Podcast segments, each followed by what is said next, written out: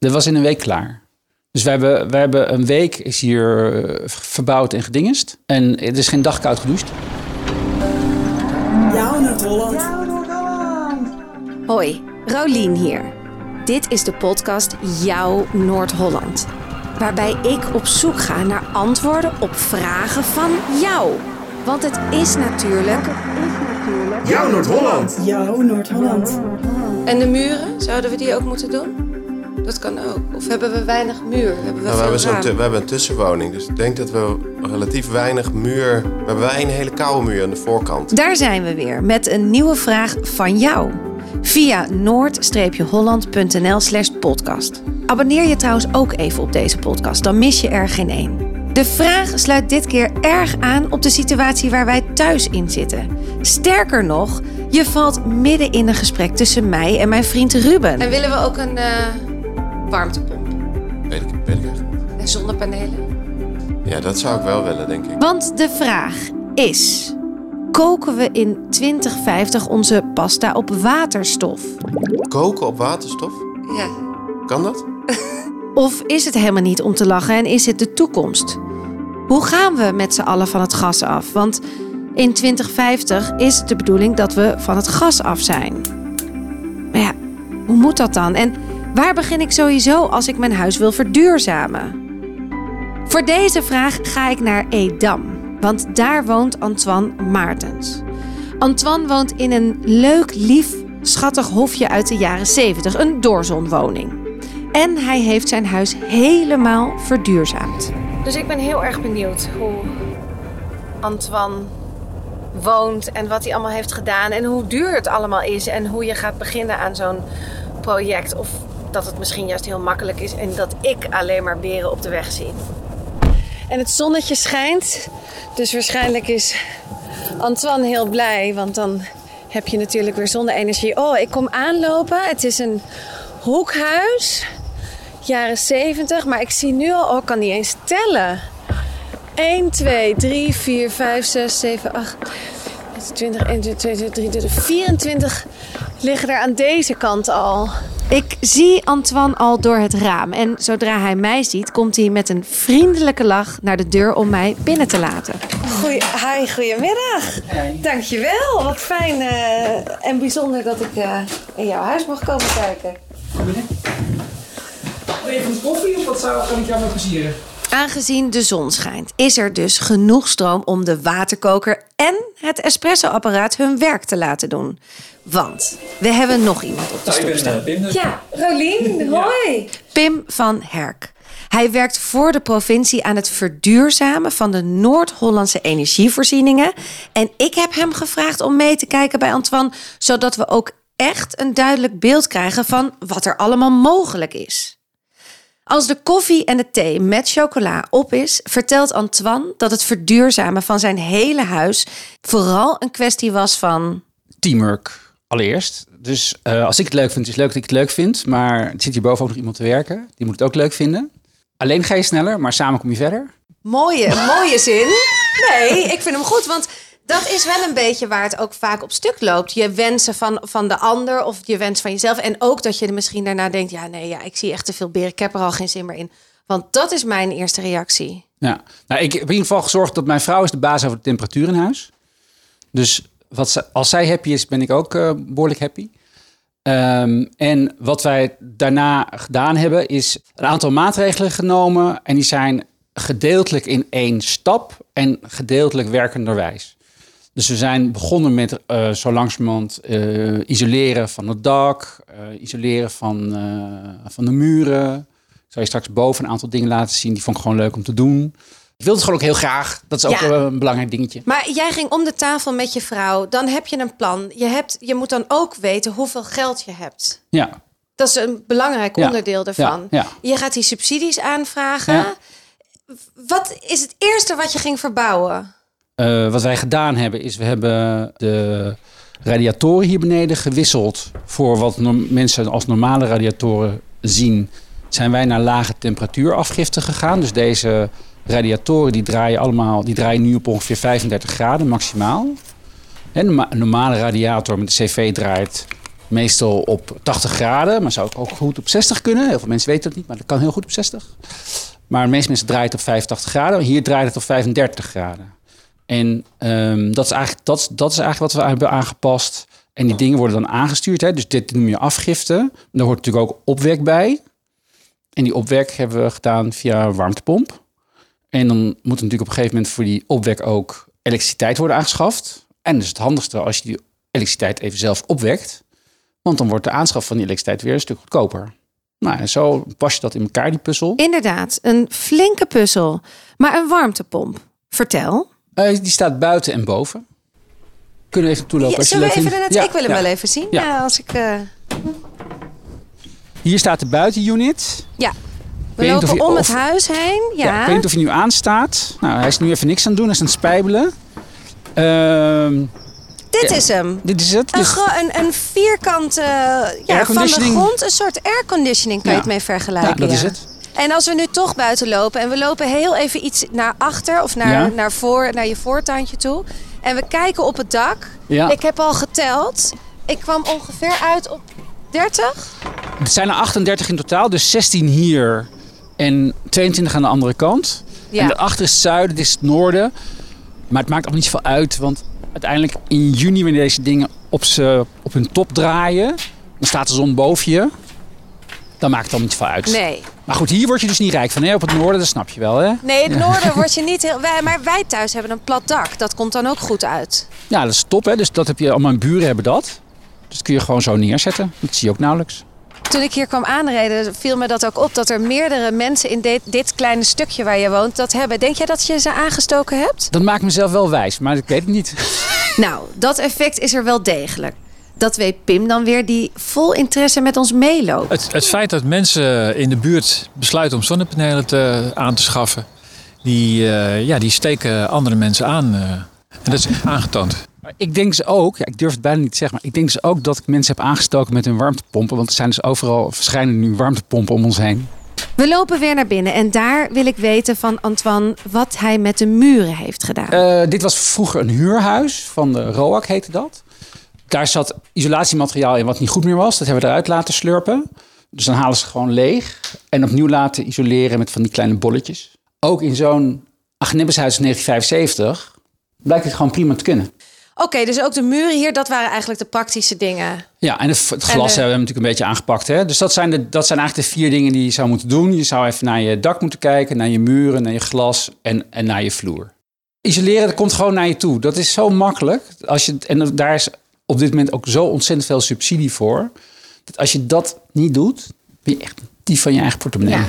Moet je echt Maar acuut doen. kijk, jij bent natuurlijk maanden, jaren hiermee bezig geweest. Eh, nee. Nee? Nee, dat was in een week klaar. Dus we hebben, we hebben een week is hier eh, verbouwd en gedingest. En, en er is geen dag koud gedoucht. Even naar Pim. Het, het is ook zo dat bij, bij deze woning is gewoon rekening gehouden met wat er kan. Ja. Dus als, als je woning geschikt is om, eh, om te isoleren, en dat zijn de meeste woningen die na 1920, 1925 zijn gebouwd. Hè. Ik woon zelf in een jaren 30 woning, dus ook ik heb al gelukkig een eh, spouw. Die is wat minder dik nog dan, eh, dan hier, hè, maar alle beetjes helpen. Dan begin je met het, het volspuiten van de spouw. Met van die, bijvoorbeeld die piepschuim eh, bolletjes. Je kijkt of je je dak kan isoleren. Kijkt, als je nog enkel glas hebt, eh, of je al het enkel glas kan vervangen voor, voor dubbelglas. Ja, of als je toch eh, je kozijnen moet vervangen, kan je ook nog aan, eh aan trippelglas. Hè. Dat zijn drie, drie platen glas denken. Je dak isoleren aan de binnenkant of aan de buitenkant. Maar dat laatste is een stuk duurder. Ja, en je vloer. En dan heb je eigenlijk al de eerste klap gemaakt. En dan pas ga je nadenken over... Goh, en hoe, hoe ga ik hem nu verwarmen? Doe ik het met een warmtepomp? Is de gemeente van plan om een warmtenet aan te leggen? Is dat voor mij interessant? Of eh, ja, helaas, ik kan niets. Ik wacht gewoon eh, tot het duidelijk wordt eh, wat er met deze woning gebeurt. En ja, dan komt op een gegeven moment, vroeg of laat, komt de gemeente bij je langs om, om met de wijk zeg maar, te bespreken wat het beste in die wijk past. Hoe kom je aan die mensen ook en hoe kom je aan deze informatie? Nou, er zijn eh, voor mensen die eh, hier niet zoveel verstand van hebben, en dat is toch eh, een groot deel van, van de Nederlanders, wat ook heel logisch is, hebben gemeentes in Noord-Holland hebben allemaal een energieloket opgezet. En dat energieloket, ja, dat kan je bellen of dat kan je mailen. En ja, die helpen je gewoon met het in, in, in beeld brengen van welke maatregelen het beste bij je passen. Wat voor financieringsmogelijkheden er zijn. Welke bedrijven ook goed zijn om die maatregelen uit te voeren. Hè, want dat is ook eh, belangrijk natuurlijk, dat het goed uitgevoerd wordt. Dus die hulp is er. Want is het echt heel belangrijk dat we met z'n allen gaan verduurzamen? Ja, op het moment dat je, dat je zeker weet eh, dat door de CO2-uitstoot eh, de klimaatverandering ja, zich voordoet, ja, dan ontkomen we er niet aan dat we op een andere manier met onze energievoorziening moeten omgaan. Ja, En dat kan alleen door, eh, door eh, ja, eigenlijk eh, af te schakelen van, van olie en gas. En om te schakelen naar duurzamere bronnen. Hè, zoals nou ja, warmte uit, uit, uit geothermie, hè, uit de ondergrond. maar Pim, Of een warmtepomp, Ja. zoals hier is toegepast. Ja, want nu we toch gezellig zo tegenover elkaar staan, Pim, in een lekker verwarmd huis. Ja, het is eh, lekker heb warm ik, hier. ik heb een vraag gekregen die binnenkwam. En ik, vind het, ik moet er bijna een beetje om lachen, omdat ik het niet helemaal begrijp. Want de vraag is: koken we in 2050 onze pasta op waterstof? Ja, ik denk, niet- ik denk van niet. Nee, ik weet eigenlijk wel zeker van niet. Want het zou een eh, heel ineffectieve manier van, van, van verwarmen zijn. Ehm, en ik denk dat, dat een groot deel van, eh, van de Nederlanders eh, al eh, of elektrisch of op inductie koken. En inductie koken is heel efficiënt. Hè? Dus je hebt relatief heel weinig energie nodig om je, je pasta te verwarmen. Ja, en je zou wel gek zijn als je dat met gas of met waterstof doet. Hè? Want daarbij, nou ja, je ziet de vlammen vaak om de pan heen vlammen. Ja, en dat betekent eigenlijk dat je heel inefficiënt met de warmte opga- omgaat eh, die, die aardgas of groen gas of waterstof in de toekomst eh, ja, in zich heeft eh, zitten. Ja, dus, want we moeten ook van het gas af. Ja, dat is eh, waarschijnlijk wel eh, voor de meeste woningen is dat eh, waarschijnlijk wel de situatie, ja. Moest je eraan wennen om inductie te gaan? Nee, nee, het is echt allebei maar... eh, dat, is, dat is een no-brainer. Daar hoef je echt geen zorgen over te maken. Maar we gaan nu, jij neemt ons mee Ja. naar boven. Oké. eh, eh, Oh, sorry, sorry, sorry. wij gaan nu naar de zolder. Waar het, zeg maar, het andere deel van de warmtepomp staat. Pas op je hoofd. Ja, Ik zal het even wegdoen. Oké. Hou me eens dicht, Pim. ja, Ja, check. ja. Oké. Oké, de zolder zijn we op. Twee trappen omhoog. Ja. Nou, wat zien we hier? Nou, ik zie veel. Je begrijpt dat dit de plek was waar vroeger de cv-ketel hing. Ja, Dus dezelfde buizen die daar lopen, zie je wel? ja. Die zijn allemaal in gebruik daarvoor. Daardoorheen, daar wordt verzameld het water wat gebruikt wordt voor de verwarming. Oké. Dus deze is voor verwarming. Ja, en deze, is voor douchen. Dat is een grote. Dat is nou, hoe, die is bijna 1,60.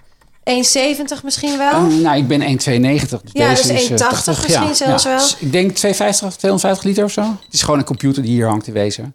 Eh, met, met sensoren. Dus de wa dat is misschien een goede uitleg. De water, of de, de warmtepomp, Pomp, ja. dat is eigenlijk een soort computer die alles in je huis kan aansturen naar de goede temperaturen. Precies. Hij, hij zorgt ervoor dat de warmte beschikbaar komt. Distribueert het op de juiste plek, op het juiste Ja. moment dat jij het wil. Ja, ik vind het wel prachtig eruit zien, maar je moet wel de ruimte hebben in je huis. Klopt. Wat wel zo is, is dat tegenwoordig is het ook zo dat deze dingen kunnen ook bijvoorbeeld horizontaal gemaakt worden. Dus deze grote jongen die kan ook horizontaal gemaakt worden. Soms hebben ze deze niet nodig. En om het nu eventjes heel concreet te maken, hoeveel scheelt dit nou allemaal op jouw energierekening? Nou, dat scheelt nogal, want wij hebben nu op dit moment, hè, dus na alle stijgingen, hebben we een energierekening van 42 euro eh, per maand. En dan heeft de auto ook gereden. Dat scheelt dus heel veel geld. Ja, dit heeft gewoon eigenlijk sowieso ieder jaar opnieuw eh, anderhalf keer collegegeld voor mijn kinderen betaald. Ja, want wij, wij kwamen van, eh, ik geloof iets van 168, 180 euro af. En dat was dan 2016, hè? Ehm, nou ja, dat, dat viel gewoon weg. Wij kregen gewoon de eerste jaren, kregen, toen hadden die elektrische auto nog niet. Toen kregen we gewoon elke, elke maand kregen we gewoon geld terug. Jouw Noord-Holland. Mag ik, eh, jij mag even de microfoon Ja. aan Pim geven, want ik ben wel heel, we staan nog steeds op de zolder. Dus dit huis is wel een goed voorbeeld hoe jullie eigenlijk, hoe we in de toekomst alle huizen zouden willen hebben. Nou, alle huizen zou ik niet durven zeggen, hè. Maar voor de meeste woningen kiezen we voor, nou ja, of eh, met een warmtepomp, of aansluiten op een warmtenet, die met duurzame warmte wordt, uh, wordt verwarmd. Ja, en voor een, een, een kleine groep uh, woningen die heel moeilijk te isoleren zijn, want dat is een heel belangrijke voorwaarde. denk aan monumentale panden. En ik zou me kunnen voorstellen, hè, we zijn nu in Edam, dat in het centrum van Edam, in de oude binnenstad zeg ik maar, ja, dat het daar gewoon te duur wordt om die woningen zo goed te isoleren dat daar een warmtepomp kan worden toegepast. Nou, misschien dat daar nog een gasnet voor blijft liggen. Maar dan voorzien van duurzaam gas. Dus dat ja. zijn, naar mijn idee, zo de drie hoofdoplossingen die, die je zal zien in de toekomst, is, is mijn verwachting. Nou, één ding is duidelijk. We moeten gaan verduurzamen. En dat kan tegenwoordig ook veel makkelijker. Er zijn subsidies en je bent geen maanden meer kwijt om je huis te isoleren. Ook is er hulp als je je huis wilt aanpakken. Dank Antoine en Pim. Jullie hebben mij in ieder geval enthousiast gemaakt. En ik heb zin om aan de slag te gaan. Heb jij nou ook een vraag over wonen, werken, sporten, uitgaan, fietsen of ondernemen in onze prachtige, diverse provincie? Over archeologische vondsten of innovatieve snufjes? Stel ze en ik zoek het antwoord. Oh ja, en vergeet je ook niet te abonneren op deze podcast. Dan zijn we er vanzelf volgende maand weer. Jouw Noord-Holland. Jouw Noord-Holland.